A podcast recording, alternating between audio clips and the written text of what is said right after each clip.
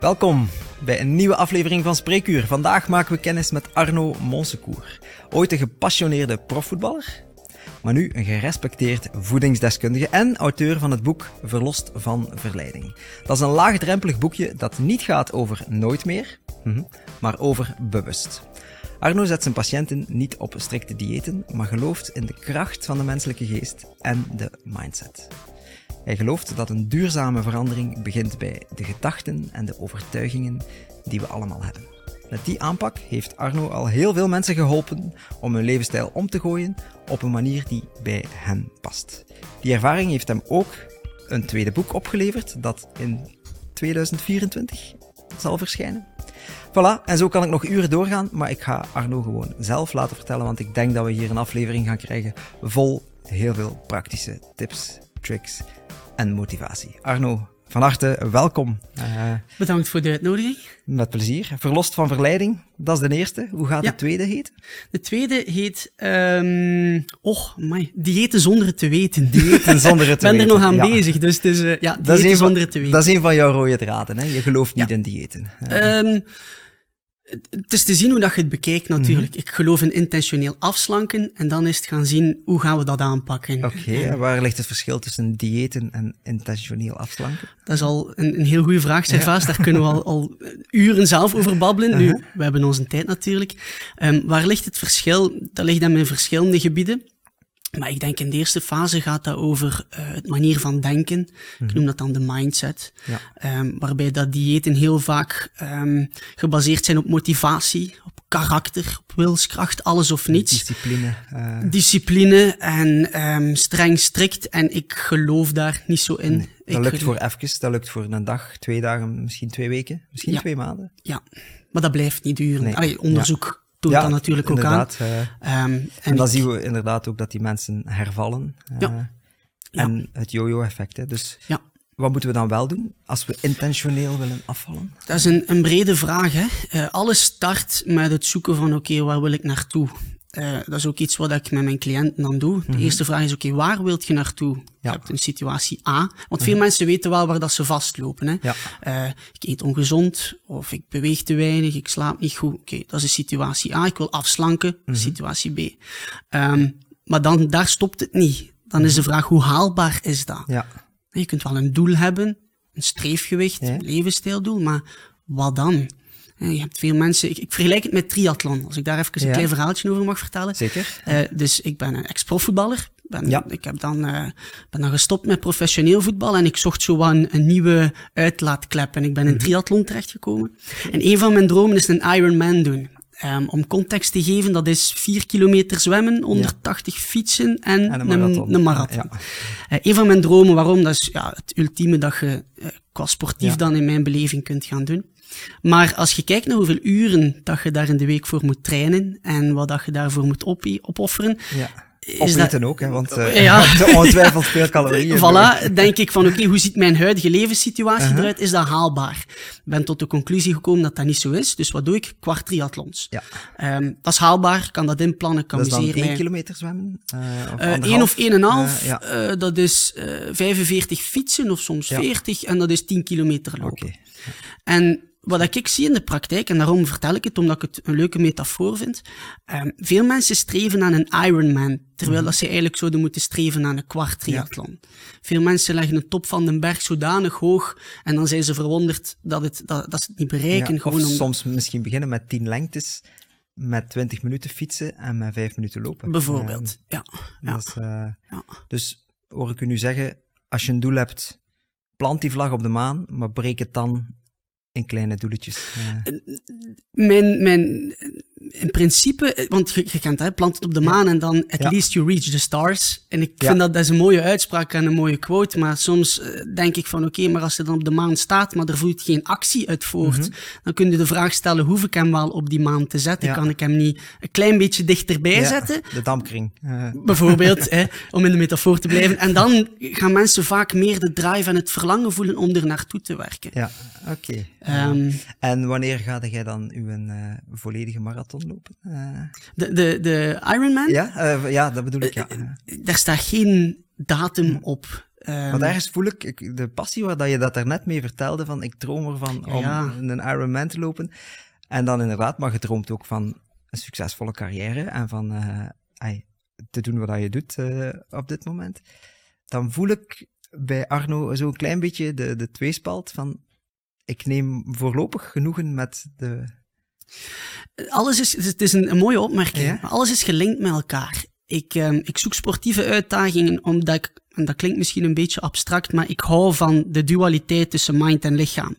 En ik heb vroeger altijd in het presteren gezeten in profvoetbal, waarbij dat heel erg het lichaam de focus is. En je verzorgt jezelf, je Ja. eet. Ik, had ook niet, ik was niet het grootste talent, dus ik had de details nodig. Je hebt er hard voor moeten werken. We Voilà. gaan het er straks over Ja, hebben. eh. ja, maar ik was niet zo.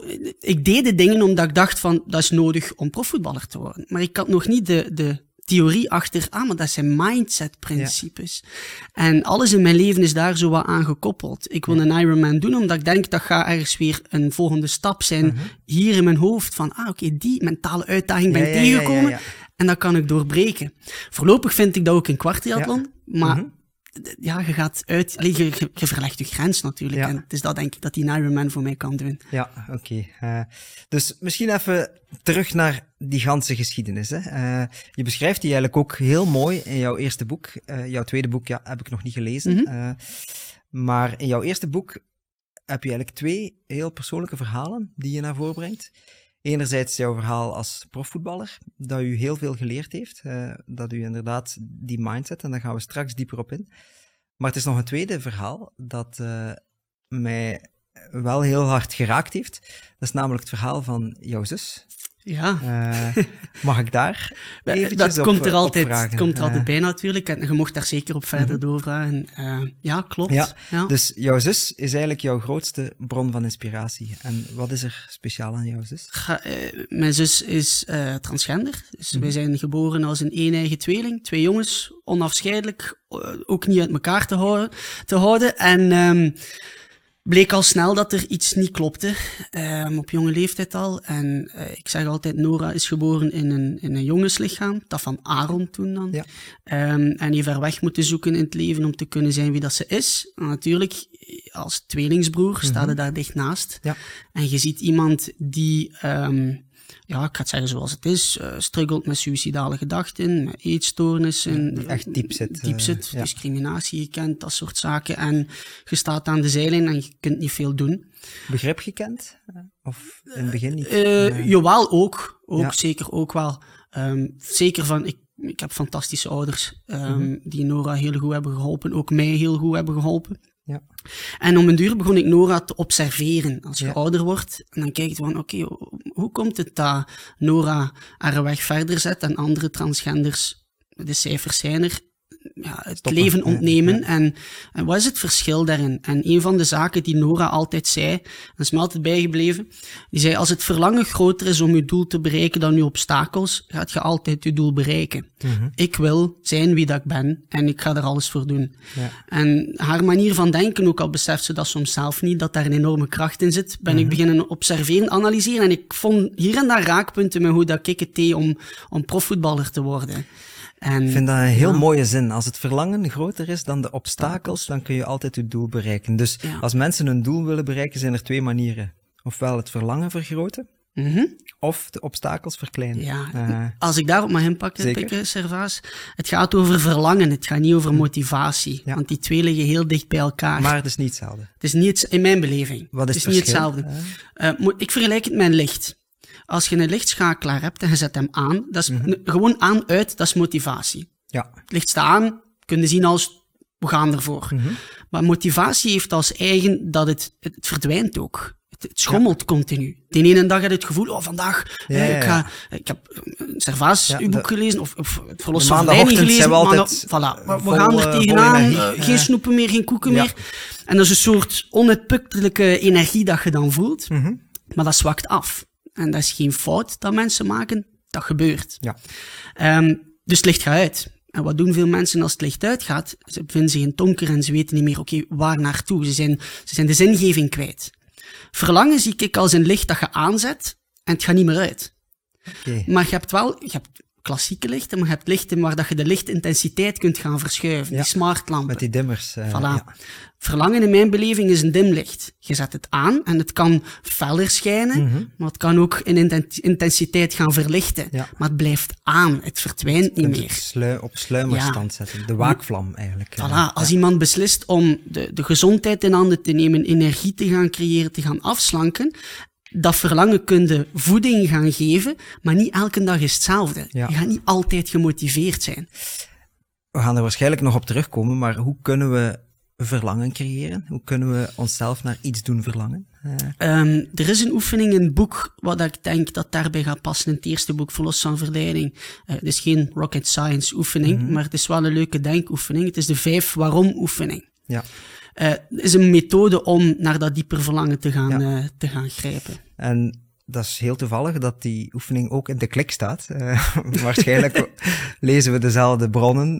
Ja. Maar jij mag, jij mag ze eens Ja. uitleggen, die vijf keer waarom. Maar ja, het is al goed dat het ook bij jou in het boek Ja. staat, Servaas, want dat, dat, het is een, een, ja, zo'n belangrijke oefening als je ergens naar verandering wilt streven. Mhm. Ehm, het zit heel eenvoudig in elkaar. Je, je hebt een doel, bijvoorbeeld ik wil 10 kilo kwijt. Mhm. Oké, maar waarom? Ja. Eh, ja, ik wil terug in mijn kledij van vroeger kunnen. Ik wil dat maatje minder. Oké, dat is goed, maar waarom? Ja, ik wil mij aantrekkelijker voelen. Oké, maar waarom? Ja, ik wil gezien worden, ik wil een stuk erkenning krijgen. Oké, waarom? En dan daar, wat het antwoord kan voor iedereen anders zijn, Ja, daar tuurlijk, verder in blijven doorgraven. En er zijn er geen foute antwoorden in, hè? Nee, nee, maar als je vijf keer die, die diepere waarom zoekt, dan kom je uit bij een antwoord dat eigenlijk veel dichter bij jezelf ligt dan die 10 kilo. Wat Ja. uiteindelijk een oppervlakkig, Maar 10 een kilo is mooi, hè? doel is, zeg Maar, als je 2 kilo verliest, om in die kilo's te blijven, Ja? Ehm, dan is het van, oh ja, ik verlies 2 kilo. Maar er is dan een barbecue, of weet Mhm. ik veel, en je staat de volgende op de weegschaal en er is een kilo en een half terug bij. Ja. Dan is het van, oei. En mensen raken gedemotiveerd dan. ja, terwijl dat het waarschijnlijk een verhaal is van een beetje vochtbalans die, die, die verschuift. En, Voilà. en we leggen als, als maatschappij nog altijd heel zwaar de nadruk op de cijfers. Eh, op de kilo's. en je voelt inderdaad dat de, de, beweging van de body positivity, ja, wat, wat, doen we, wat doen we fout, Arno? Wij als, als zorgverleners. Wij zijn zorgverleners die elke dag met mensen omgaan, die op zoek zijn naar zichzelf, die bepaalde doelstellingen hebben. Wij kunnen die mensen helpen met bepaalde doelstellingen. Eh, gaan wij genoeg naar die waaroms als professional? Ehm, dat is een moeilijke vraag, hè, omdat ik stel deel- dingen vast, maar ik oordeel niet graag over iemand eh, zijn of haar werking. eh, waarom? Iedereen doet dat in de hoedanigheid. Maar wat ik wel vaststel, en ik heb dat in het begin bij mezelf ook vastgesteld, het is zo belangrijk om naar de context in iemand zijn of haar verhaal te gaan kijken. Ja. Wat is de context? Hoe leeft die? Ehm, heeft hij een gezin? Heeft hij kinderen? Wat voor werk Ja. doet hij? Eh, waarom streeft hij naar een bepaald gewichtsdoel? Eh, dat we daar als zorgverlener zelf die vragen eerst Ja. in beginnen. Een soort nieuwsgierigheid. Nieuwsgierigheid is een concept waar ik me de laatste weken een beetje in verdiep. Eh, obsessief dat maakt mij nieuwsgierig dan. Ja, maar wij zijn zo goed in oordelen. En ik Mhm. stel vast dat we als zorgverlener daar soms te snel ook in zijn in een label Ja. of een plaatje te maken van, ah, dat is die persoon die voor mij zit. En we, Meestal doen we dat al als de mensen de consultruimte binnenkomen. ja, en we, Eh, we gaan die en, we gaan dat zo en zo doen, we gaan Ja. die zo en zo helpen. En als die nieuwsgierigheid wegvalt, kunnen we soms niet de verkeerde conclusies of de verkeerde werkwijze meegeven, maar misschien niet de juiste op dat moment. Ja. En dan voelde dat er weerstand komt bij mensen. En ons doel in mijn beleving is om net om zoveel mogelijk weerstand weg te halen. Ja. Dus probeer jij die nieuwsgierigheid bij jezelf weer te doen ontluiken en vraag je eigenlijk eerst de, de vragen die je echt wil weten aan de mensen. Eh, Ik stel eigenlijk de vragen die mensen zichzelf zouden moeten stellen. Ja, Maar omdat wij mens zijn en wij leven ons leven en Mhm. we hebben onze sleuren, we hebben onze drukte, we hebben onze verantwoordelijkheden. en lopen we graag weg Dat weet jij ook. vragen. Ja, Eh, weet je, dat, dan, dan durven we daar niet altijd de tijd voor nemen of het gebeurt gewoon niet. Ja. En ik zie het als mijn taak om dingen naar boven te halen die eigenlijk wel geweten zijn, ja. maar niet altijd bij stilgestaan worden. Dat is mooi. hè. Dat is eigenlijk heel mooi dat je eigenlijk eh, ja, een voedingsdeskundige bent, maar toch met die, vooral met die men- mentale zaken en die achterliggende psychologie eigenlijk bezig bent. Eh, daarvoor mogen we uw zus dan inderdaad uh, Dat zal wellicht de... bedanken. de ja. Heeft uw zus u ook geholpen in uw profvoetballersverhaal? Want misschien moet je dat, dat verhaal even vertellen. Dus, ja. Je bent profvoetballer geweest? Ja, dus ik uh, ben bij een lokale club begonnen. Op mijn acht jaar ben ik naar uh, Sporting Lokeren toen gegaan, ja. eerste klasse. Daknam. Op Daknam, ja. ja. Daar mijn, heel mijn jeugd doorgemaakt. Fantastische tijd ook gehad. Um, profvoetbal heeft mij ook wel gemaakt tot wie dat ik ben als persoon. En dat zou iemand anders geweest zijn zonder profvoetbal? Dat denk ik niet, maar het zou misschien op een andere manier tot uiting gekomen zijn. Ja. Um, ik denk dat het grootste gedeelte zijn mijn ouders met een fantastische opvoeding, waarden en normen, respect en hoe dat ik zie dat die Nora hebben omarmd ja. en, en we samen die weg hebben afgelegd. Ik denk dat dat het grootste is. Mm -hmm. Uh, maar dus profvoetbal, ik had de, de, droom dan op een bepaald moment van, van hey, ik wil profvoetballer worden. Mm -hmm. um, dat is me dan gelukt. Ik heb een heel korte carrière gekend, maar waar ik wel ongelooflijk trots op ben. Um, maar dat had eigenlijk niet zozeer met Nora te maken. Wij gingen onze eigen weg. Ja. Zij in de dans, ik in de voetbal. Um, maar de, de, de principes achteraf dan. Ja, de mindset erachter. Ja, het linken van, ah oké, okay, daar hebben we raakpunten en we hebben dat zo gedaan. En Jullie hadden wel alle twee die, die doelstelling. Ja. En je bent er zo ja. rechtdoor mogelijk voor gegaan. Voor gegaan, ja. ja. En dan zie je de gelijkenissen, ja. hè. Ja. Uh, en wat heb je dan, uh, wat heeft er u, wat heeft er gezorgd dat uw carrière in het voetbal zo kort was? Um, je kunt daar verschillende redenen voor aanduiden. Mm -hmm. En te, in, in, alle openheid, de, de eerste redenen toen ik voelde van, oh, dat, dat begint hier precies niet meer zo leuk te worden, mm -hmm. duidde ik altijd op iemand anders. Ja. Ik sprak dat nooit uit, maar in mijn hoofd, maar de coach stelt mij niet op en ik Externe train supergoed. Ja, en, en dat soms, soms gebeurt dat ook met mensen die hun gezondheid onder andere mm -hmm. willen nemen. Hè. Het, ja. het vingerwijzen, denk ik ook. Van, ja. Het is iemand anders of iets anders. Maar als ik daarop reflecteer, moet ik gewoon eerlijk zijn met mezelf. En ik had niet meer de grote ambitie, eens dat ik daar was, om ja. dat volledig uit te bouwen. Ik had ook niet het grootste talent om enkel en alleen op talent te kunnen teren. En, ja. en ik voelde daarvan. Ik moet op de toppen van mijn dus tenen Jij moest er, moest er echt veel voor doen. Ja, en dan, ik deed mijn studies voeding en dieetkunde ernaast. Ik had een, een praktijk opgestart. Ik voelde de passie Oké, okay, ja, de praktijk was al opgestart ja. uh, en profvoetbal. Ik ben afgestudeerd, okay. uh, voeding en dieetkunde. Ja. Ik, ben, uh, ik heb mijn praktijk in bijberoep gestart naast mm -hmm. het profvoetbal, omdat ik dacht, ja. de profvoetballer kan twee dingen doen. Gamen of iets zinnig proberen doen. Ik wou iets zinnig doen. um, en dan was dat ook wel een beetje mijn geluk natuurlijk. Als de club failliet ging, dan moest ik niet op nul beginnen. Ik, ik ben het verder gaan uitbouwen. Okay. En, en, ja. Oké, okay, ja. Dus dan heb je eigenlijk uh, die opleiding gevolgd. Ja, je had ze al gevolgd. Ja. Uh, je bent voedingsdeskundige. Ja. Wat is het verschil met een diëtist? Maar ik ben er zijn diëtist. heel veel termen. Ik, ja, uh, ik ben diëtist, dus ik heb drie jaar uh, aan de Hogeschool Gent gestudeerd ja. om uiteindelijk het diploma diëtist uh, te kunnen ontvangen. En zijn er inderdaad veel verschillende benamingen, ja. benamingen in, de, in, in de omloop. Maar ik ben ook wel trots om te kunnen zijn, ik ben diëtist. Ja. Uh, diëtist heeft zo'n beetje een, een, negatieve weerklank gekregen, omdat, en dat is opnieuw een vaststelling, geen ja. oordeel, uh, veel mensen op een klassieke manier werken. Mm -hmm. Maar hier uw voedingsschema, we zien elkaar volgende maand en we gaan ja. eens zien hoe dat geweest is. En gevoeld bij mensen dat dat niet meer matcht ja. met, ja, dat zoeken we eigenlijk niet. En nee. daardoor... Nee, want ik ging het net vragen, wat, was, wat, wat heb je geleerd in die opleiding? En ook vooral, wat heb je niet geleerd dat je eigenlijk had moeten leren? Want ik hoor u hier dingen vertellen uh, waar de wijsheid van afspat, zeg maar. Uh, waarvan ik denk dat ze niet allemaal op de nee, hogeschool geleerd nee, zijn. Nee, ze komen niet van op de hogeschool. Ja. En dat is geen verwijt. Nee, nee, natuurlijk niet. Nee, van daar komen ze niet. Um, de, wat leerde op, uh, op de hogeschool dan in voeding en dieetkunde? Oh, dat, dat is de biologische basis. Voilà, en de, chemie, biochemie, uh, dieetleer, het menselijk lichaam. En je krijgt ook wel een stukje motivational interviewing. Dat was een keuzevak trouwens, wat ik dacht van, oké, okay, waarom is dat een keuzevak? Dat is een basis van alles, mm -hmm. hoe dat je coachingsgesprekken aangaat. En ik weet nog, ik, ik werd ooit gevraagd om dan na het afstuderen in een kleine commissie even een, een vergadering mee te maken. En, en ik zei van, we moeten die, um, die psychologie erachter, die, die, die, die coachvoering, dat moet een hoofdvak worden. Dat is het belangrijkste ja. van allemaal. Ik weet niet hoe dat dan nu zit. Maar ik besefte wel van, eens dat ik dan klanten begon te ontvangen, mensen begon te helpen, van ik mis kennis. Ja. Ik, ik, ik weet wel iets over voeding. En, En dan mis je niet de kennis van wat doet suiker in het lichaam en wat doet vet in het lichaam. Eh, Dat wist je Maar, allemaal eh, zeer eh, goed. Ja, dus je hebt je wetenschappelijke achtergrond, maar het is niet zozeer de kennis die, die iets verandert. Mhm. Het was een gast van jou, ook Servaas, die daar iets over zei. Ik weet niet meer wie het was, maar ehm, kennis alleen is nutteloos. Maar toegepaste kennis, daar komt de verandering uit. Maar ik miste de tools van hoe kan ik iemand die zegt, ja maar Arno, ik heb geen tijd om te. Mhm. bewegen. Of ik heb, ehm, ik, ik kook niet graag. Of hoe, dat komt voort vanuit overtuigingen, Ja. gewoontes. En hoe kan ik die gaan helpen Ja. om dat te doorbreken? En dan ben ik verder gaan studeren. Precision Nutrition is een Amerikaanse opleiding Ja. die dat coach gericht eh, wel ehm Heel erin. gepersonaliseerde voeding. Voilà, eh, ja.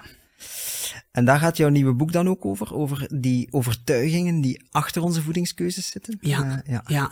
Dieet zonder het te weten is een boek ehm, waar dat heel veel van mijn ziel in ligt, zeg ik altijd. Verlos van Verleiding was een eerste boek, maar, en dat zul je misschien herkennen met jouw ooit eerste Er boek. is altijd een eerste boek, hè? Ja, maar dat is zo, je bent je weg zoekende. Je weet dat je over iets wilt schrijven, dat je ja. iemand kunt helpen, maar hoe zit dat allemaal in elkaar? Ja. En je werkt samen met een ghostwriter, maar hoe gaat dat? En ik, ik had niet echt veel fun in het schrijven van het, van het Mhm. Ja. eerste boek. Het uh, dieet zonder de, te weten zal uiteindelijk meer dan twaalf maanden echt schrijven aan vooraf gegaan Ja. zijn, maar puur vanuit ook het plezier en de voldoening van, hé, hey, Ja. ik ben wel echt iets heel nuttig aan het schrijven. En het, het eerste boek is vooral de puzzel leggen, denk ik. Ja. Ehm, dat, dat heb Ja. ik, ik, heb, ik heb heel veel geleerd van mijn eerste boek. Ik denk de persoon die het meest geleerd heeft van dat boek, dat ben ik zelf. herken ik Eh, zo hard. Ja. En, en dan, inderdaad, in de andere boeken komt de fun factor er, er een stukje bij. En, maar de puzzel, de puzzel is gelegd. Hè. Dus jij gaat dat nieuw boek uitbrengen in januari, dacht Ja, ik. eh, januari ja. 2024. januari. En dat gaat dus ons helpen om onze overtuiging. Want is het niet makkelijker? Nee, ik ga het anders vragen. Is het niet beter? Ah, nee, ik had, ik had ook anders. Een derde keer goede keer, zeg maar. Eh, wat is de beste manier om iemand te helpen? Is dat door een praktisch plannetje te geven? Van kijk, eet dan twee wortels en dan een, een 100 gram kaas en dan weet ik veel wat allemaal. Of om te zeggen van kijk, ja, ik weet dat jij s'avonds altijd naar die chocoladekast gaat en altijd een halve lat eet. En dan denkt van, ah nee, had dat beter niet gedaan. Maar tien minuten later is de andere helft van de lat ook op. Uh, Mhm. Hoe komt dat? En Mhm. naar die oorzaken gaan zoeken met de mensen. Is daar de- waar het boek over gaat? De, de- de vraag is mooi gesteld van wat is de beste manier? En, en in mijn beleving is daar geen beste manier in. Mhm. Ehm, er is wel een manier, denk ik, wat dat, eh, een verschil kan maken ten opzichte van anderen. En het zal een combinatie van de twee zijn. Ehm, in die zin, niemand is hetzelfde. Je hebt mensen die graag ehm, plangericht werken. Mensen Ja. die graag cijfers, het moet meetbaar, het moet tastbaar zijn. Oké.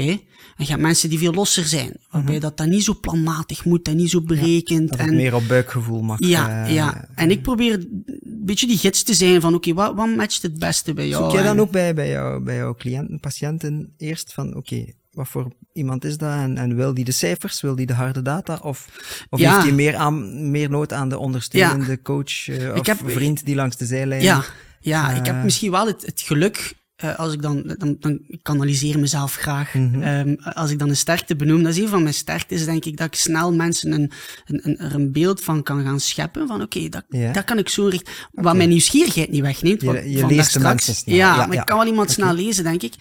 En dan weten ze snel, oké, moet ik die combinatie maken? Moet ik zo gaan sturen? Moet ik zo gaan sturen? Ja. Maar de basis blijft hetzelfde. Het is Oké. eerst een haalbaar doel stellen. Ja. Eerst weten waarom Mhm. dat dat zo belangrijk is. En dan gaan kijken hoe kunnen we stap voor stap, stap, voor stap progressiegericht Ja. daar naartoe werken. Ja. Oké, ik ben soms een heel vervelende mens. Als iemand mij zegt, dit is mijn sterkte, dan vraag ik, en is mijn wat, en wat is uw zwakte? Dat is een zeer terechte vraag. en ik denk dat er meer zwaktes zijn dan sterktes. Dus, eh, Mijn zwakte is dat ik soms impulsief kan zijn daarin. Ik kan soms, eh, en dat was vooral de zwakte heel in het begin. Je hebt een jonge gast en je hebt Mhm. de passie voor een vak en je wilt mensen helpen en je wilt mensen sturen. Maar soms gaat het daar te gedreven in. En ik heb geleerd om, dat de mensen niet, niet volgen dan. Dat je, dat- ja, dat en dan begin je te denken van, allee, het plan ligt daar en de Ja. aanpak ligt daar en de houvasten liggen daar. Waarom doet hij het niet? Ja. En heel vaak is het we dragen allebei ons verantwoordelijkheid, zeg ik altijd. Ja, ja, ja. Degene die voor me zit en ik. Maar ik negeerde soms mijn eigen verantwoordelijkheid. Van, als coach weet ik het wel. Ik. Je moet gewoon doen. Maar dan ja, heel snel beseft van, Maar dan toch zien, er zal wel, wel een barrière zijn waarom dat die dan, patiënt of die cliënt niet uitvoert. Voilà. Want laat ons eerlijk zijn, we weten allemaal wat dat we moeten doen hè, om gezond te leven. Het is Mhm. niet, ik denk dat er niemand is die het nog niet weet. eh, Dus Nee. misschien kunnen we daarover stoppen met schrijven. Eh, maar misschien moeten we inderdaad over We die- zitten op dezelfde golflengte. andere Ja. dingen. Eh, En jij voor je eigen gezondheid, eh, jij Ja. doet drie dingen goed. Jij doet dagelijks workouts met de, de elastic bands. Jij eet eenmaal per dag traag en bewust. En je zorgt voor voldoende sociaal contact. Ik vind Ja. dat eigenlijk drie super zinvolle eh, dingen, waar dat je mij meer mag over vertellen. Oh, kijk. Ja. De elastic bands. Ja. Hoe moeten we ons dat voorstellen? Ja. Ik kom uit de, uit de sport, hè. Mhm. Dus ehm, mensen gaan er altijd vanuit, ja, Arno is, is altijd 100% gedreven om zijn looptochten te doen en te gaan zwemmen en te gaan doen, maar niets is minder waar. 70% van de tijd heb ik daar geen Dus goesting ook, in. ook jij kent het Ja. fenomeen van geen motivatie te hebben. Voilà. En dan ben ik op zoek gegaan van, oké, maar ik wil mijn lichaam wel fit houden, ik wil wel energiek zijn, ik Mhm. wil wel hè, gezond zijn. Ehm, en ik ben, ik loop hè, en ik wandel en Ja. ik, ik doe dat allemaal, maar dan denk ik, wat is nu een gewoonte wat ik consequent wil gaan inbouwen? En dat is nu eentje van de laatste tijd. Er zijn er verschillende de revue gepasseerd. En wat ik merk is, voor resistant bands, je hebt niets nodig. Ja. Buiten de banden. Maar of dat ik dat nu in mijn gewone alledaagse kleren wil doen, Mhm. of in mijn sportkleren, that's it. Dus ik heb mezelf voorop Dus misschien even, even Ja. uitleggen voor de, voor de mensen. Eh, dus wat is een resistance band? Dat is eigenlijk een elastiek die je rond een bepaald gewricht kan doen of rond een lichaamsdeel. Bijvoorbeeld, je, je doet dat rond je knieën of rond je bovenbenen, rond je armen, Ja. rond je polsen, rond je schouders. En dan doe je een bepaalde oefening. Ja. Eh, waardoor dat die oefening lastiger is of dat je ze gecontroleerder kan doen. Ja, je Eh, hebt gradaties, allee, die kleuren Ja. bepalen de, de weerstand ja, van de dus er zijn heel veel van die oefeningen die, je die je kan vinden op YouTube. Je moet maar een keer resistance bands eh, op. eh, En waarom precies die soort oefeningen? Eh, wat is het gezondheidsvoordeel van die? Eh, Ja. Daar stel ik mezelf niet de vraag bij. Puur uit het gemak. En ik denk dan, oké, welk gevolg heeft dat als ik die oefening consequent alle dagen doe? Want Noem eens, eh, eh, geef eens het voorbeeld van een oefening. wel, het, voorbeeld nu, ik doe minstens één beenoefening. Dat is mijn focus nu. Ja, Dus ik zeg niet, zoiets, ja, eh. letterlijk de elastiek onder mijn benen vastpakken en dan heb je die weerstand Ja. voor boven naar beneden te gaan. Maar het is niet zo dat ik zeg, ik ga een half uur workout doen, ik ga drie kwartieren workout doen. Minstens één oefening. En wat ik merk als ik dat consequent doe, Dan zijn er vijf oefeningen verder. Voilà, het geeft maar de hebt, eh. pump. En dan denk ik, ah, straks had ik gepland om te gaan lopen. We gaan dat, we gaan dat, ik heb de energie voor dat te gaan doen. Oké, dus wat kunnen we dan... Bijvoorbeeld, ik, ik wil graag gaan lopen. Mhm. Eh, ik, ik loop graag. Ik fiets ook graag. Eh, lopen vind ik in de week iets efficiënter dan fietsen qua tijdsbesteding. Fietsen doe ik in het weekend dan iets meer. Maar wat ik heel vaak merk, en dat zullen waarschijnlijk heel veel mensen herkennen, is van, ja, dan kom ik thuis, eh, zes uur, zeven uur, soms acht uur s'avonds. Dan ben ik toch al een beetje moeier en vermoeid, zeg maar. En dan, ja, is het echt zo'n drempel om over te stappen. eh. Dus als ik mijzelf dan zou kunnen zeggen van kijk, Servaas, ga gewoon tien minuutjes gaan lopen, dan is het ook voldoende. En ga ik misschien toch dat loopje van 30 of 40 minuten doen. Ja. Is dat de boodschap die ik er kan uithalen? Eh, ja, dat is zeker in die richting. Eh, het woordje gewoon vind ik daar altijd interessant in. hè. Gewoon tien minuutjes of gewoon een, Ja. een half uur. Veel mensen zeggen, nou, ik moet dat maar gewoon doen. Dat blijkt niet altijd zo gewoon te zijn. Hè.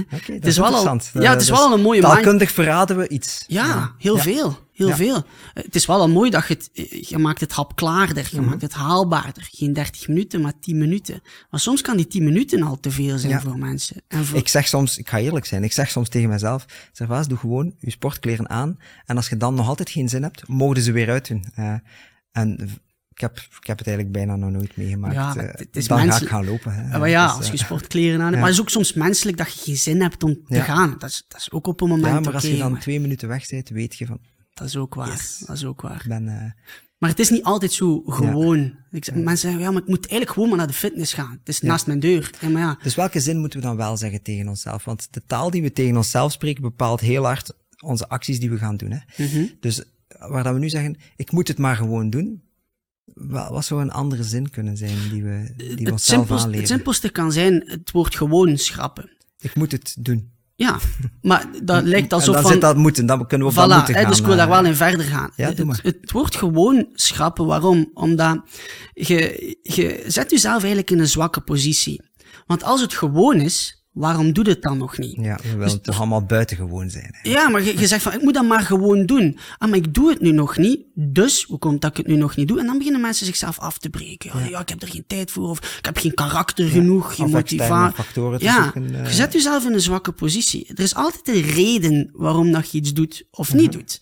Dus als je jezelf nieuwsgierig de vraag stelt van, oké, hoe komt het dat ik niet op mijn half uur kom? Ja. Of hoe komt het dat ik geen maaltijdplanning maak? Ja. Hoe komt het dat ik vaak in die koekenkast zit? En dan ga je zien dat dat eigenlijk niet zo gewoon is. Er zijn altijd schakels die daarvoor zorgen. Bijvoorbeeld met bewegen. Oké, misschien is 's avonds niet mijn ideale moment.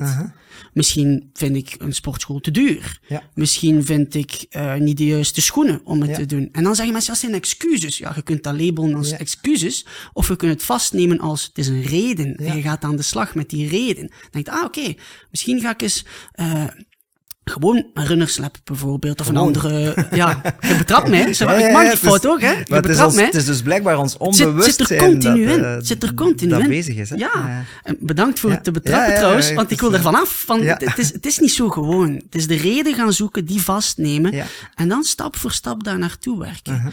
Als je merkt dat, oké, die 30 minuten, daar kom ik niet toe, start met 10 minuten of nog minder. Als eh, de maaltijdplanning. Ik moet, ik moet dat maar gewoon voor een week inplannen. Blijkbaar is het niet zo gewoon, want anders had het al gedaan. Start met een dag. En dezelfde discussie kunnen we voeren rond het woordje moeten. Hè? Klopt. Ja, dat Want- is dan, ja. Eh, als we iets moeten, ja, van wie moeten we? Waar, waarom moeten we? Eh, en moeten we of mogen we? Hè, als we zeggen, ik mag gaan lopen. eh, ik heb met een tijdje, ik heb getraind voor een marathon. Ben een tijdje met een knieblessure oud geweest, waarin dat ik niet kon lopen.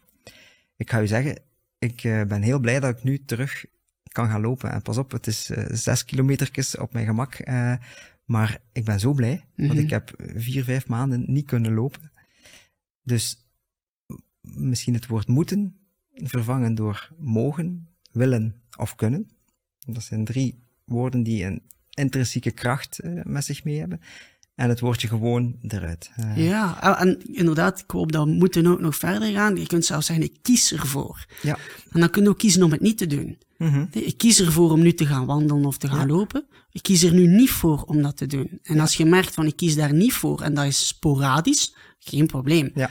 Als dat iets repetitief wordt, en dan kun je Ja. wel je keuzes gaan bekijken en zeggen van, oh, Ja. misschien moet ik toch wel meer. Ja, want als je geen keuze hebt, dan voel je de nijpendheid ervan. Ja. Eh, ik heb aan de lijve weer kunnen ondervinden hoe goed het voor mijzelf is om te kunnen sporten, want hoe vervelend dat ik ervan Ja. van word als ik het, eh, als ik het niet kan doen. Eh, jij eet ook één keer per dag traag en bewust. Minstens één keer per dag. Dus jij, hoeveel keer eet je per dag? Eh, Eh, ik eet drie keer per dag Drie keer per dag, ja, ja. ja. Omdat me dat goed voelt. perfect. Eh, dus, eh, dus jij vast niet? Eh, Eh, ik heb dat een tijdje gedaan vroeger in profvoetbal. Mhm. En dat is mijn benadering bij alles. Ik schiet nooit iets direct af. Nee. Dat hoeft ook niet. Probeer het uit. Er zit veel waarde in intermittent fasting. Net zoveel als er in ketogene principes zitten. En Mhm. Absoluut. Zolang dat het in mijn beleving niet wordt afgespiegeld als de holy grail van iets, Mhm. probeer het uit. Matcht het met u. Prima, dan heb je iets vast Doe wat daar ja. heel veel waarde in zit. Zeker als het matcht op niveau dat je het in je natuurlijke habits, in je gewoontes kan steken. Ja, Eh, ja. En is dat niet zo, dan laat het los. Ja. Dus ik, ik, ik heb gemerkt, dat was in de tijd van profvoetbal toen, maar oké, dat, dat, ik eet graag, ik heb graag ook Ja. die, die gezelligheid aan tafel. Ik krijg ook echt honger als ik het zocht. Ja. Ook prestatie op het veld. Daar zijn Ja, natuurlijk. Ja. resultaten van dat dat net wel een verbetering was. Bij mij niet. Dus ik zeg drie keer per dag.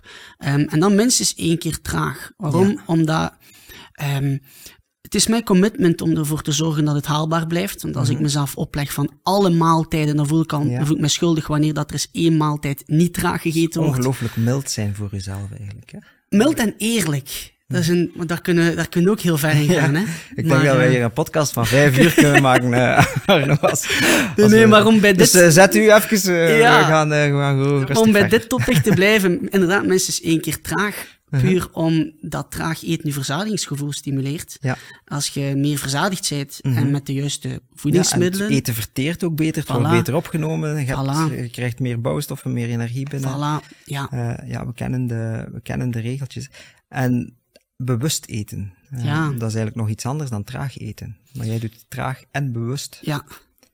En, en dat, is een, dat, is een dagelijkse oefening, ook voor mij. Mm-hmm. Um, Um, en dat is, misschien kun je het zelf doortrekken naar bewuster leven. Maar goed, ja. dat is een ander verhaal.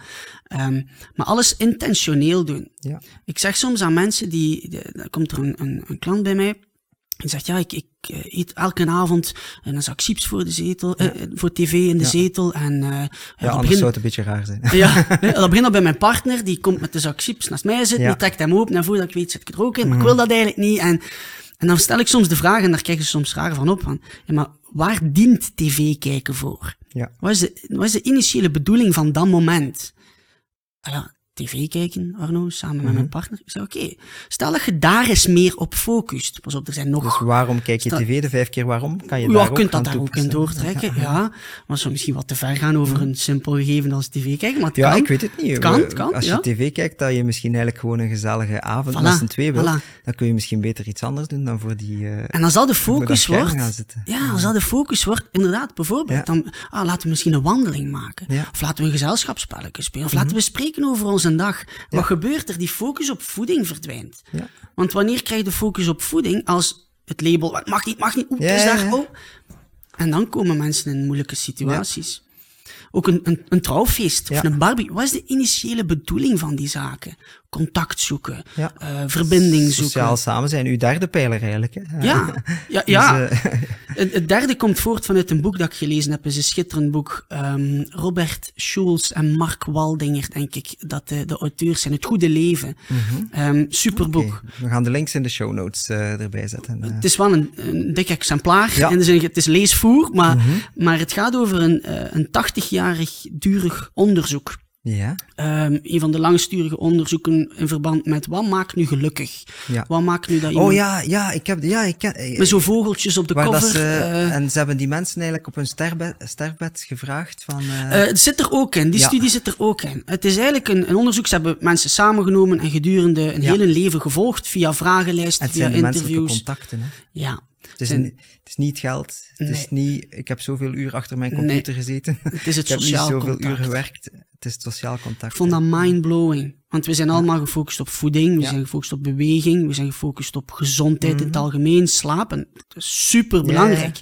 Maar toen zijn mijn ogen ook open gegaan van, oh, maar die pijler sociaal contact, Ja, En daar zit natuurlijk ook ons oerinstinct in, hè, als mens zijn. De verbinding zorgt dat we overleven. Ja. Maar dat was iets waar ik nooit echt bewust had op ingezet. En nu wel. ja, en dan gebeurt er zoiets als COVID. Ja, wordt alle sociaal contact afgesneden.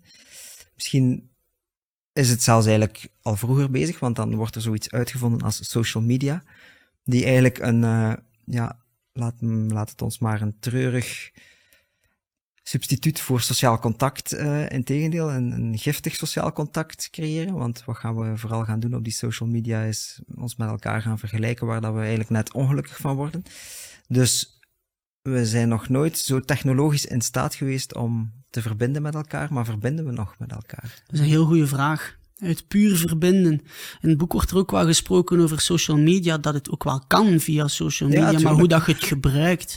Ik- Puur uit mijn eigen beleving, eh, ik, ik zie liever mensen face-to-face Ja. waar dat ik mee kan spreken. Ik geef ook wel graag online webinars en Mhm. online coachings, omdat je die energie daar ook in kunt Ja. krijgen. Maar in het, in het fysiek energie voelen van mensen zit ook een heel grote waarde, waar dat niet altijd elektronisch kan Nee. of via de technologie Ja. kan.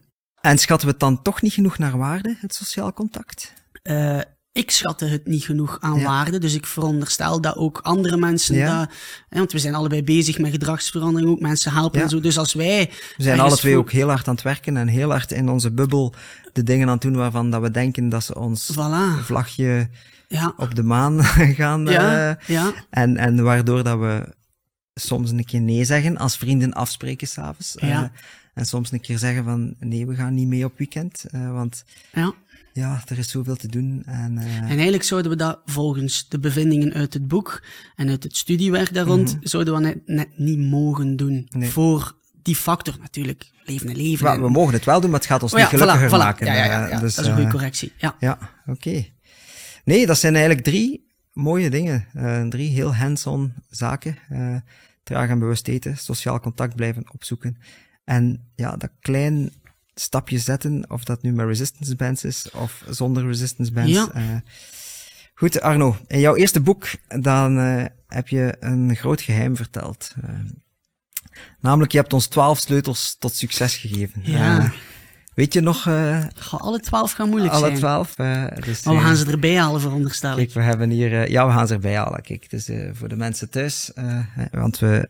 Ja, vanaf dit seizoen, beste mensen, brengen we deze podcast ook op YouTube. Dus je kan je abonneren op het YouTube-kanaal als je ons wil zien zitten. Hè, met onze happy socks aan. dan kan dat bij deze ook... Dus op pagina 184 van jouw eerste boek staan ze. 12 oorzaken van falen, 12 sleutels tot succes. Dus dat is eigenlijk al een reframing om u tegen te zeggen. Ik zou heel graag met u die 12 sleutels eens overlopen. Fijn. Uh, dus de eerste sleutel is als je geen doel hebt, formuleer uw persoonlijke doel nu. dat is eigenlijk waar het start. Hè. Ja, ja. ja, daar start alles. U, en hoe help jij de mensen om zo'n persoonlijk doel te formuleren? Dat, dat is in, zeker in de eerste fase van de samenwerking het, hetgeen waar ik het meeste tijd aan spendeer. Omdat dat zo belangrijk is. Mm -hmm. um, kijk bijvoorbeeld, om in de, in de sport te blijven, naar darts, heb je Ja. een bonsai. En, en oké, in darts Ja. we wel een puntensysteem, maar de bonsai is, hè, dat is 50 punten. Ja, En, dat is de roos. Eh, Voilà, je ziet de roze, je mikt ernaar en ik wil daar geraken. Dus je moet ergens wel, een zeiler die eh, op zee vaart en ergens een bestemming wilt gaan Mhm. Bereiken, weet zijn bestemming. Wel, waar ga ik naartoe? Ehm, en in, in mijn tweede boek ehm, vraag ik aan mensen van, maak eens een film van uw leven en hoe past uw doel daarin? En echt het, gaan om, het omschrijven ervan. Oké, Ja. ik wil 10 kilo kwijt, maar omschrijf dan een keer. Hoe zou je eten? Hoe zou je Ja. leven? Hoe, hoe, wat doe je anders dan dat je nu, zou, Ja. nu in je huidige situatie doet? En ik vind dat daar alles start, want als je geen duidelijk beeld hebt van waar dat je naartoe gaat, ja, kun je, kun je overal geraken zonder dat je misschien geraakt dat je zou willen geraken. Ik ben, eh, ben twee weken geleden naar een seminar geweest van Tony Robbins. Eh, die ken je? Ja. Eh, dat is een Amerikaanse motivational coach. Eigenlijk een, ja, een psycholoog die heel hard coaching doet. En die zegt van ga zelfs nog een stapje verder dan je doel. Probeer je te visualiseren dat je het doel bereikt hebt. En probeer de emoties die je dan gaat voelen op te roepen. Mhm. Wij hebben daar oefeningen gedaan. En oké, het kan allemaal een beetje Amerikaans klinken, en, eh, maar ik heb het zelf ook ervaren. Ik heb wat doelstellingen gezet in mijn leven en dan de emotie erbij gehaald. Gevoeld wat ik ga voelen als ik bepaalde doelen bereik. En ik, ik ga eerlijk zijn, dat is een heel krachtige oefening. Eh, heb dat dat? Ik, ik heb het voor de eindbestemming. En Mhm. je kunt het nog krachtiger maken, in mijn beleving, door het ook met je acties te gaan doen. Ja. Bijvoorbeeld, stel dat je iemand bent die niet graag beweegt. Ja? Je kunt je voorstellen, oké, wat als ik iemand was die wel graag zou bewegen? En je gaat u daar Ja. dan die visualisatieoefening Mhm, in zetten. ja. Hoe zou dat voelen? Of ja, maar ik, ik, ik, ben, ik kook niet graag. Wat als ik wel graag kook? Ja. Of ja, ik, ik snoep te veel. En als- begeleid jij er, daar de mensen in? Of zeg je, je zou dat een keer moeten doen? Eh, ik, gewoon. niet- ik doe geen visual... Ja. je zou dat, gewoon een keer moeten doen. Hoort gewoon. Maar eh, ik doe geen visualisatieoefeningen met mensen zelf in de ruimte. En Mhm. Nee. dat is trouwens eigenlijk wel een goed idee om, om Ja. eens te doen. Maar ik, eh, ik geef zowel de richtlijnen van, Ja. eh, zet u thuis op uw gemak, neem die oefening, zoveel minuten, en dan... Het is nu misschien de moment om ons een keer te begeleiden in zo'n oefening. Oh, nu vraag je dat wat, hè. Zullen we Nu dat durven doen? Ja. Kunnen we dat als een extraatje doen, in zo'n bonus of zo? Ja, voilà, we zullen dat hier Als dat kan. en we gaan het eh, toch opnemen. eh. Ja, nee, lijkt me wel Oké, leuk. doe maar. Ja? Goh, kijk. Ehm, we, gaan, we gaan gewoon een persoonlijk... Als we nu allemaal kunnen denken aan een persoonlijk doel dat we, dat we willen nastreven. Ik ga het ook voor mezelf eh, in oefening zetten. We, we hebben ergens een doel dat we willen bereiken. En eh, we weten welke obstakels dat dat doel met zich meebrengt. Ja. En ehm, misschien... Zal, ik, zal ik patiënt zijn? Dat zou top zijn. Ja, ja. ik ga patiënt Dus je zijn. hebt ergens een doel, Servaas. Ja. En ehm, als je het wilt uitspreken... Ik wil het zeker het uitspreken. Eh, we gaan dan toch eh, nog zien of dat we het uitzenden of niet.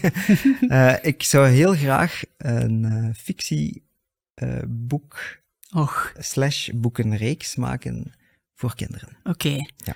Met de Tony Robbins oefening gaat het daar in die visualisatie. Mhm. Wat wij gaan doen is gaan kijken, oké, wat zijn de obstakels op dit moment? Of wat is er voor nodig om dat doel te gaan bereiken? We gaan misschien eerder in die richting zoeken. Wat is er nodig om dat doel te gaan ehm, verwezenlijken? in eerste instantie vind ik dat ik meer bagage nodig heb om fictie te schrijven. Uh, dus ik moet één zelf meer lezen en mij een beetje verdiepen in de theorie van het schrijven van goede fictie. Hoe bouw je een verhaallijn op? Hoe bouw je een personage uit? Hoe, hoe ga je aan de slag met, uh, met een plot? Wanneer moet je een twist uh, doen? Dit en dat. Dus die, ja, daar heb ik geen diploma van en daar heb ik nooit les van gevolgd. Dus daar moet ik mij in verdiepen. En dan komt automatisch het tweede obstakel. Dus ik heb daar heel veel tijd voor nodig. Oké, okay, oh, mooi. ik, ik zat daar direct te denken. Ik kon je niet onderbreken, maar, maar, de, de, de visualisatie gaat dan als volgt. Ga in de visualisatie dat je, uh, je, hebt, je hebt de mensen die je kent, je, mm -hmm. je kent uh, je netwerk en je gaat, en dat is dan de oefening. Je sluit je ogen en je gaat op zoek, oké, okay, wie ken ik? En dan, je, je, ja. je bekijkt jezelf een beetje als de derde persoon. Ja. En je ziet jezelf contact opnemen met ja. die persoon. Je ziet je de eerste mail schrijven van, hey, ik heb dat zot tool, zot idee, ik heb er passie voor. Maar ik zoek, en je ziet jezelf die mail schrijven, je ziet jezelf die mail versturen. Maar daar dan in de actie gaan. Ja. Je ziet, oké, okay, welke boeken heb ik nodig? En je visualiseert puur het feit dat je een boek over mm -hmm. hoe schrijf ik een fictie, je visualiseert dat je dat aan het lezen bent. En je creëert komen we terug aan het begin. Je creëert het verlangen. Je, ja. je voedt het verlangen, maakt het alleen maar groter en groter. Door het gevoel te hebben van. Uh, voilà. Ja. En die manier van denken, in mijn beleving, is soms sterker, want je hebt directe impact op dat. Ja. Je kunt direct straks aan de computer gaan zitten ja. en die mail versturen. Je kunt niet direct ja. al die fictie af hebben. Nee, nee, nee, ja. Dat is, dat is, moet ook soms geduldig zijn in voilà. het leven. En je creëert eigenlijk een soort, hmm, verlangen. Puur in dat visual, visualisatiemoment. Wat je ook een groter doel kunt doen, maar de actie mist daar soms op. Oké. Okay. Mooi, bedankt voor de begeleiding. Ik weet niet of dat een, een oefening was, maar... Ja, het was, het was zeker... Maar ik ga eigenlijk eerlijk zijn. Ik heb die oefening zelf al gedaan, een jaar geleden. Och. En ik heb me eigenlijk al een jaar bezig gehouden met hoe is fictie opgebouwd. En uh, heel veel gelezen. Top. Wat ik nu ga doen, is mijzelf heel veel tijd creëren om... Uh, effectief te schrijven, waardoor dat ik hoop in 24 Top. ermee uit te komen. Kijk, kijk er naar uit. ik zal het u als eerste laten, uh, laten lezen. Een tweede sleutel tot succes, uh, Arno, is voor mensen die geen focus hebben, uh, dat je zegt van kijk, ga op zoek naar wat zijn uw persoonlijke prioriteiten. En daar heb je zelfs een methodiekje voor, de prioriteitendriehoek. Ja, dat is een heel, mooie gezegd, een heel mooi gezegde waar ik nu spontaan ook aan zit te denken. Uh, een plant dat continu herpot wordt, kan niet doorgroeien. Dus je moet op zoek gaan, oké, okay, wat is hetgeen wat ik echt voor kies op dit moment? En hoe kom je daarop? De prioriteiten driehoek kan een oefening zijn. Ja, en hoe zit die oefening precies in elkaar? Heel eenvoudig. Je hebt drie lagen. Mm-hmm. Uw uh, onderste laag zijn eigenlijk de zaken die levensbelangrijk zijn voor u. Ja. Je schrijft die daar de bovenste laag, of de laag, uh, de tweede laag, is oké, okay, wat geeft extra spice in mijn leven, extra ja. waarde, maar is niet levensbelangrijk. Het kunnen projecten zijn, kan werk zijn, kan... Oké. Okay. Ja. Bovenste, de top van een driehoek, zijn de extra's naar de cinema gaan, uh, restaurantbezoek. Ja. Sociaal contact maken met mensen bijvoorbeeld. Dat zou misschien ja. zelf in die, in die onderste basislaag kunnen zitten, maar inderdaad, voor sommige mensen kan dat in die top staan en kunnen beseffen, oké, okay, misschien moet dat naar de onderste laag. Want eenmaal dat je een driehoek hebt ingevuld, mm -hmm. wat is voor mij levensbelangrijk? Wat is belangrijk, maar niet levensbelangrijk. En wat zijn die extra's?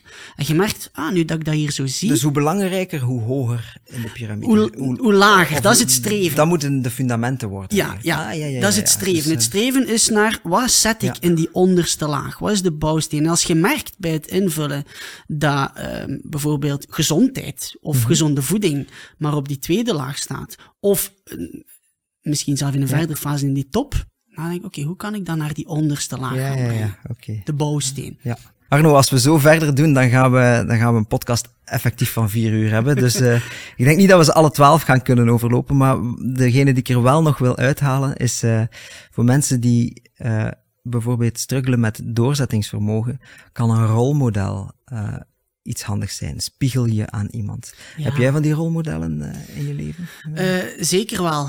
Um, die vraag werd me soms ook in het voetbal gesteld. Heb je een idool? In het voetbal heb ik nooit echt idolen gehad. Maar, maar idool is niet noodzakelijk hetzelfde als een nee, rolmodel, denk ik. Hè? Nee, klopt een idool, ja, we kunnen uiteraard ook fan zijn van onze, van onze rolmodellen.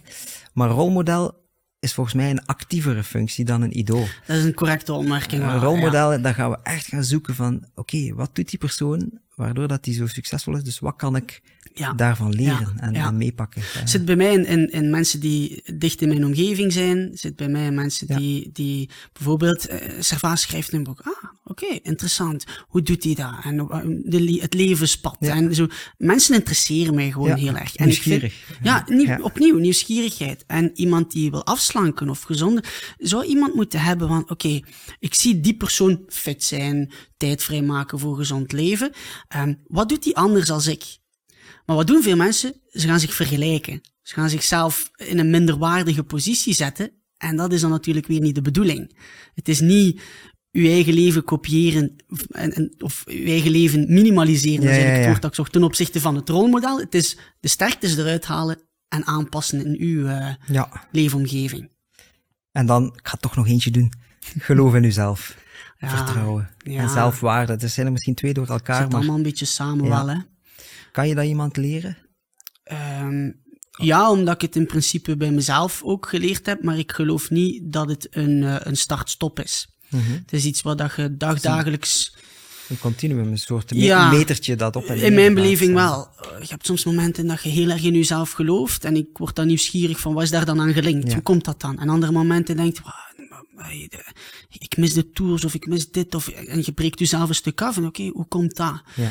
Um, het is een, meer een training in mijn beleving dan ik volg een cursus, geloof in mezelf, ik lees het, of ik, ik schrijf dingen op mijn spiegel uh, ja. van je bent goed genoeg. Uh, ja, ja, is trouwens, maar we hebben daar de tijd vandaag niet voor, maar in het boek komt We gaan heel, echt nog een keer moeten afspreken. We gaan met twee boeken nog moeten afspreken. Maar daar wordt een stuk over geschreven, ja. de uitspraak, ik ben goed genoeg, of ik ben goed zoals ik ben. Uh -huh. um, dat, dat, ja, ik heb daar soms een andere beleving rond van, ik ben okay. goed genoeg. Um, maar, we gaan het daar straks over hebben, maar ja, eerst, Arno, principe. ga ik u meenemen naar onze spelshow.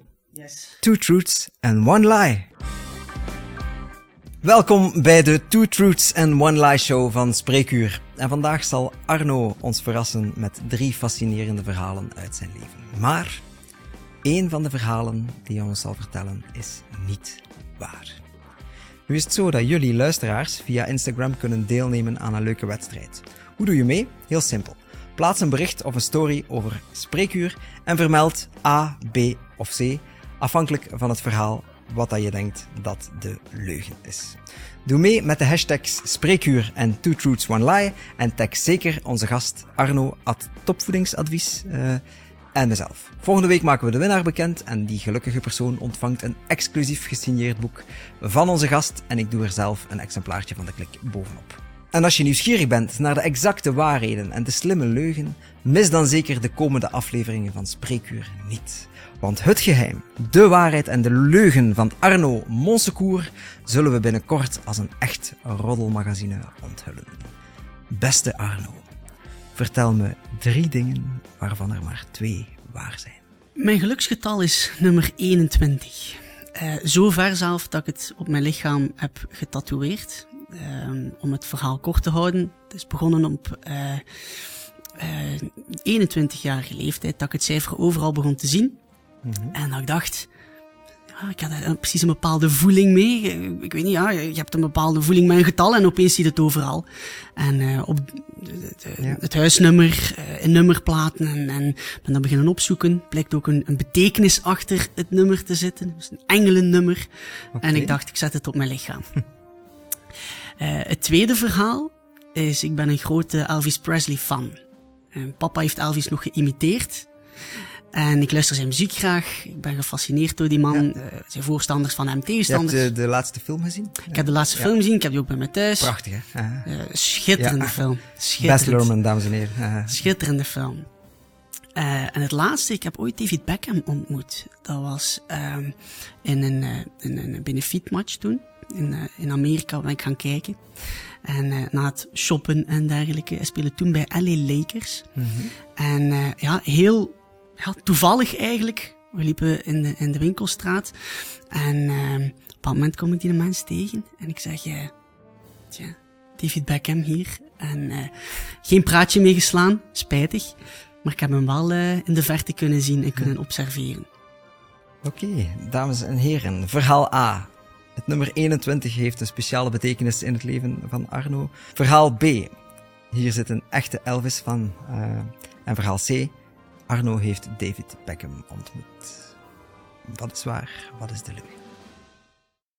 Terwijl de mensen zoeken Arno naar de leugen, dan gaan wij praktisch aan de slag. Uh, je begint uh, eigenlijk in je boek met een heel sterk persoonlijk verhaal. Nee, je begint niet zelf, het is iemand die je voorwoord schrijft. Uh, eigenlijk schrijft Lieve je voorwoord. Uh, en wat aan mij opvalt, is dat je die dame heel goed geholpen hebt, maar dat die door een heel zware crisis gegaan is. En dan vraag ik mij af, moeten we om te veranderen altijd door een crisis gaan?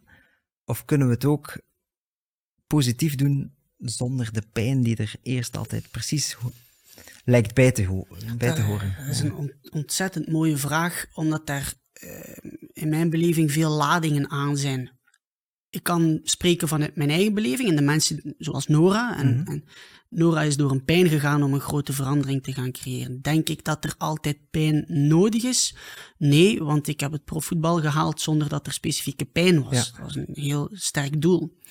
Ik geloof wel dat er een enorme kracht zit wanneer van, dat vanuit pijn komt. Um, Omdat er dan genoeg leverage. Uh, ja, je hebt is, soms uh, mensen die, die ja. weglopen van de negativiteit. Uh, ik, ik loop er soms naartoe, is veel gezegd, mm -hmm. maar ik probeer te omarmen. Dat is een juistere beschrijving. De negativiteit, hoe, ja. doe, hoe doe je dat concreet dan? door, en dan kom ik terug bij het concept van de laatste weken, nieuwsgierig worden. Ja. Ik probeer zelfbeoordeling, zelfkritiek te, te zien als iets wat puur menselijk is. Mm -hmm. Concrete voorbeelden. Dus heel mild voor jezelf? Ja, maar uw zelfwaarde niet laten aantasten om de brug naar de volgende ja, te maken. Nee. mildheid vanuit eerlijkheid. Als iets niet goed is, is iets niet goed. Mm -hmm. Als, uh, ik was 16 jaar, ik was totaal niet assertief, ik was super verlegen, ik durf niets vragen aan, uh, mijn zus moest een cola ja. bestellen. En ja, je komt in een latere leeftijd en je begint te beseffen, hey, dat, dat dient mij niet. Ik, ja. Mensen kijken neer op mij, ze lopen over mij. En dan besefte ik, oké, okay, ik moet assertiever gaan worden. Ja. Maar het is niet van, wat sukkeltje zeide jij en, en, ja. en je bent totaal niet assertief. Loser. Dus je gaat niet verder met de negatieve voice in je hoofd, maar yes. je, ja. je leert eruit en je pakt het eigenlijk Je, je zet een timeframe op de negativiteit en de zelfbeoordeling. En je denkt, oké, okay, een minuut, mm -hmm. volledige zelfkritiek. Ja. Ik laat me volledig gaan. Maar na die minuut word ik nieuwsgierig. Waarom plak ik die labels op mezelf? Waarom breek ik mezelf af dat ik niet ben gaan sporten vandaag? En wat zijn dan mogelijke antwoorden die je, of inzichten uh, waar dat je dan... Uh, ik, ga, ik ga proberen een voorbeeld geven vanuit, uh, vanuit mijn eigen leefwereld. Bij mij is productiviteit bijvoorbeeld. Mhm. Mm -hmm. De ene dag is de andere niet. ik ben een en al oor. de ene dag is de andere niet. Ja. En ik heb soms dagen dat ik, en ik had dat in het voetbal ook, totaal geen zin om te trainen. Ja. En nu, niet echt zin om iets, iets aan te pakken in de Ja. dag. Ook al zij een tweede boek aan het schrijven, of zij met een project bezig, dan denk ik, ah, het is mijn dag niet. Zit hier de procrastinator, Arno uh, Dat kan wel, ja, ja. Die vanuit faalangst misschien... Uh... Faalangst niet zozeer, maar het, het, ik maak het soms te complex. Mm -hmm. en, en daar kunnen verschillende gevoelens bij komen, inderdaad. Ik herken mezelf, hè. Voilà. Um, met mijn eerste boek zat er wel wat faalangst, omdat ten eerste is. En ja. van, hoe gaat dat ontvangen worden? Maar meer vanuit, oké, okay, uh, je, je, je wilt productief werken. Ja. Je, je wilt het gevoel hebben dat je iets doet, dat je iets kunt bijdragen. En als dat niet is, dan begon ik me, en misschien herkennen dat ook zo ja, je begint heel veel labels op jezelf te zetten. Ja. Van ja, en ik ga nooit een deftig tweede boek dan schrijven, want zie, ik ben niet aan het schrijven, ik zou moeten schrijven. Of en mensen die bijvoorbeeld, hey, ik ga niet gaan sporten, en zo kan ik niet afslanken. Of ik, ik eet alleen maar snoep en ik zou beter minder snoep eten. En vroeger ging daar zo ver in dat, ja, dat gaat een dag niet beter maken. Nee, nee, nee. gaat niet klopt. productiever ja. worden met daarin vast te blijven zitten. Nee. Dus wat deed ik? Ik ging, ik verliet de ruimte en ik liet dat volledig de vrije, vrije loop. Ja. Een minuut, vijf minuten, soms een half uur, een halve dag soms. Dat ik de hele dag mezelf zat af te breken. Ja, maar even gewoon er diep, er diep door. Eigenlijk door de modder eigenlijk. En dan nieuwsgierigheid. Blad papier en dan, oké, okay, we gaan eens we gaan eens eerlijk zijn. Hoe komt dat? Hoe waarom zijn je niet productief Mhm. geweest vandaag? Ah, Echt met een blad papier aan de tafel. eh, dat kan een journal zijn, dat kan een Mhm. blad papier zijn, soms in mijn gsm. Dan denk ik, oké, waarom ben ik niet productief geweest? Dan, ja, niet moeilijk, je, je wou om zeven uur opstaan, het was negen uur. Soms nadeel als je, als je vaak van thuis uit dingen Mhm. Ja. doet. Hè. Ehm, ja, niet moeilijk, ja, je dag is al niet productief gestart. Mhm. Oké, hoe komt dat ik maar om negen uur ben opgestaan? Ah, mijn wekker lag naast mij, mijn gsm. Hè. ja. Oké, en ik heb op snoes geswiped. Ah, Oké, als het zo simpel is, als ik mijn gsm is Snoes uit is Satan, hè. creëert, dat ga je beter weten Ja. als mij, eh, zo was meer vermoeidheid dan dat Ja. is productief moet, hè, maar, moet uitleggen waarom? eh, dat mag, ja. Ja, eh, omdat als je, als je op de snoesknop drukt, dan krijg je 9 minuten extra van uw telefoon of van uw wekker. Maar een slaapcyclus duurt 90 minuten. eh. en die 9 minuten, die gaan u eigenlijk in zo'n slaapfase steken die zo mossel nog vis is, die zo net lang genoeg is om, om weer te diep te krijgen. Dus wat gebeurt er als je dan na die 9 minuten eh, weer wakker wordt? Ja, dan, dan zijt je groggy. Dus als er ondernemers zijn die dit horen en we willen echt een snoeswekker maken die zin heeft, dan zou ik zeggen, we laten hem ons 20 minuten maken. Of 90 minuten. Eh, dus die twee, Oké. eh, die twee snoeswekkers, ja, daar heeft de wereld dringend nood aan. Eh, ik wil het maar zeggen. Vanuit de neurowetenschap, alsjeblieft.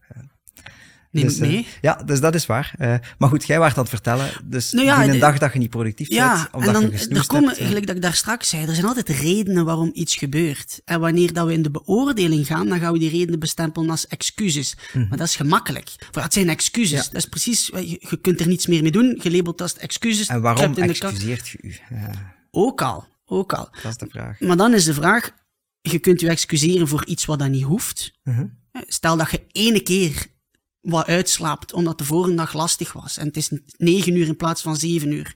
En dat is een keer sporadisch. Ja. Dat is geen ramp, hè. Maar wanneer dat, dat een patroon begint te worden, dan pak ik graag de, de, de hamer eerlijkheid. Dan is het even op de Tonk, kop tikken, ja. benoemen en dan vanuit mildheid naar verandering toewerken. Ik denk dat ik het zo kan samenvatten. Dat zijn heel mooie woorden en dan moeten we nu een keer gewoon rustig uitleggen hoe dat, dat dan in het echt gaat. In, in, de, in de Dus praktijk... we pakken de hamer eerlijkheid Ja. en we gaan dan eigenlijk vanuit mildheid naar de verandering. Eh, Ja. Dus, want ik denk dat als we die code kunnen kraken, dan, dan gaan ons luisteraars subiet maar ja, er zal een niet- aantal gewoontes kunnen veranderen. Ja. Eh, en dan zijn we een stuk van de struggle verlost. Er zal niet één code zijn, er zullen er verschillende zijn, maar inderdaad kan, kan wel een hulp zijn. Eh, hoe dat we dat praktisch aanpakken? Het start met verantwoordelijkheid nemen, in mijn beleving. Ja. Eh, het start daarin. Eerst vertrekkende van, oké, wat doe ik fout tussen aanhalingstekens? Eh, en die aanhalingstekens zijn belangrijk. Ja, wat stel ja. ik vast? Dat Het is geen oordeel. Voilà. Wat stel ik vast? Maar sommige mensen durven daar ook van weglopen. Ik stel vast dat als ik in de spiegel kijk, dat ik mijzelf niet mooi genoeg vind.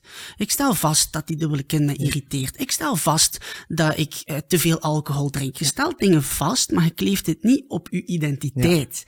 Ik stel vast dat ik snoes als ik dingen heb in die dag waar dat ik minder energie van krijg. Dan als ik een dag podcasts mag opnemen, dan snoes ik niet. oké. Dus dan weet je, Ja. als er dagen zijn waar dat die, die ehm, enthousiaste Mhm. activiteiten Ja. op de planning staan, dan voel ik mij, voel ik mij goed, ga ik niet op die snooze-button Ja. drukken. Oké. Als dat meerdere dagen zijn, prima. En als ondernemer weten we allemaal dat er ook andere dagen zijn. Absoluut. Maar als dat de meerderheid is, oké.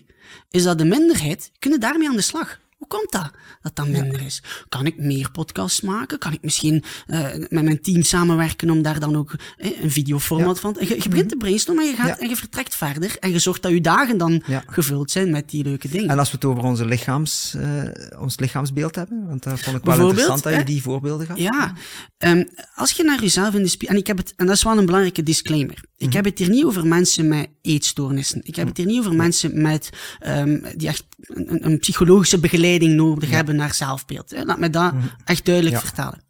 Maar mensen die zeggen van ja, de- mijn armen, eh, mijn, mijn, mijn dubbele kin. En ze zien het in de spiegel, maar ze beginnen te ben, mijn botten wegen te veel.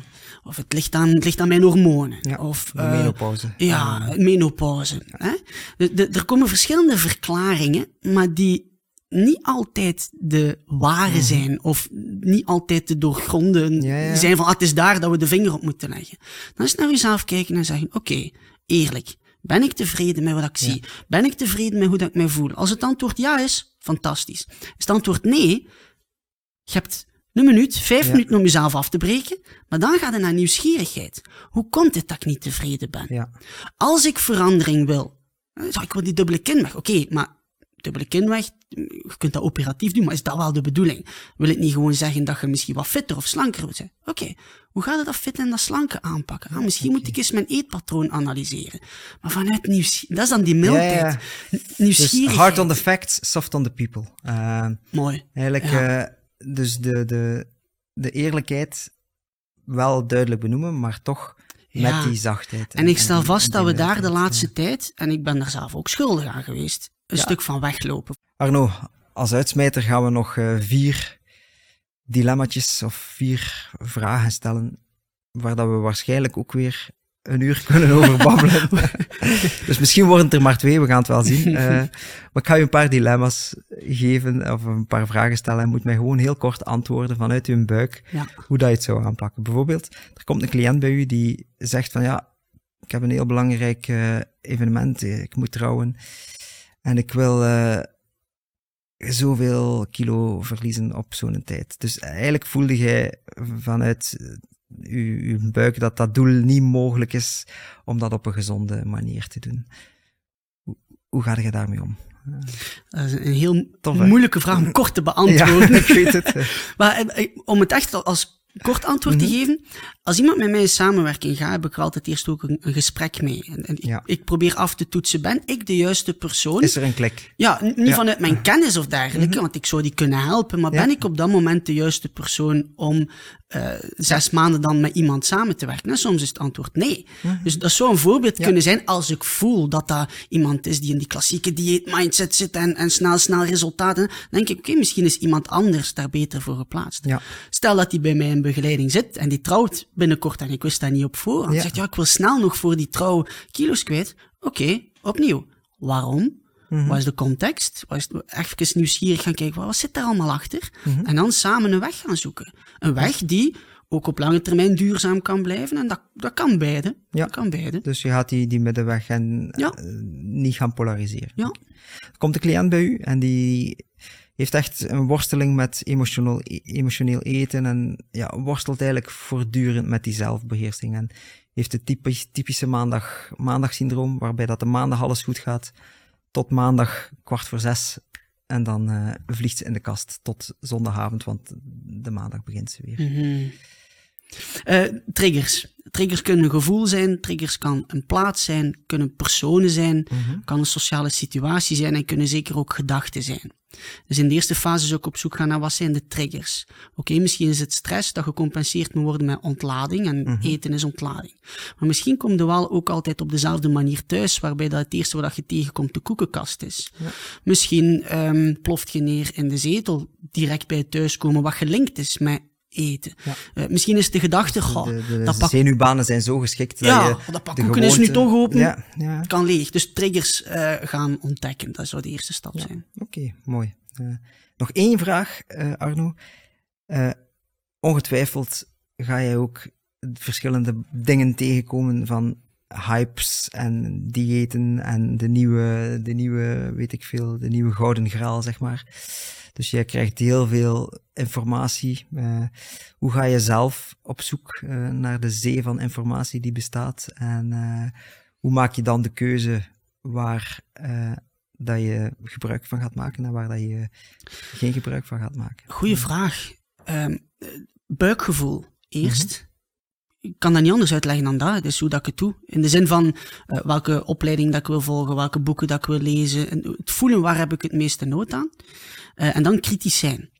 Wie is die persoon? Wat is die Ja. achtergrond? Van waar komt? Wat heeft die te vertellen? Als ik bijvoorbeeld een, een, boek wil aankopen, dan denk ik, oké, eh, even een achtergrondcheck. Vanuit welk perspectief is dat boek geschreven? Kan ik daar iets uit mee? Oké, dan koop ik het boek. Hetzelfde Ja. een programma, hetzelfde een opleiding, hetzelfde met kritisch zijn en mijn buikgevoel een stukje volgen. Mhm. Ja. En natuurlijk als een professional de juiste wetenschappelijke bronnen hebben. Als je een artikel wilt delen, Ja. dat soort zaken, dat je wel...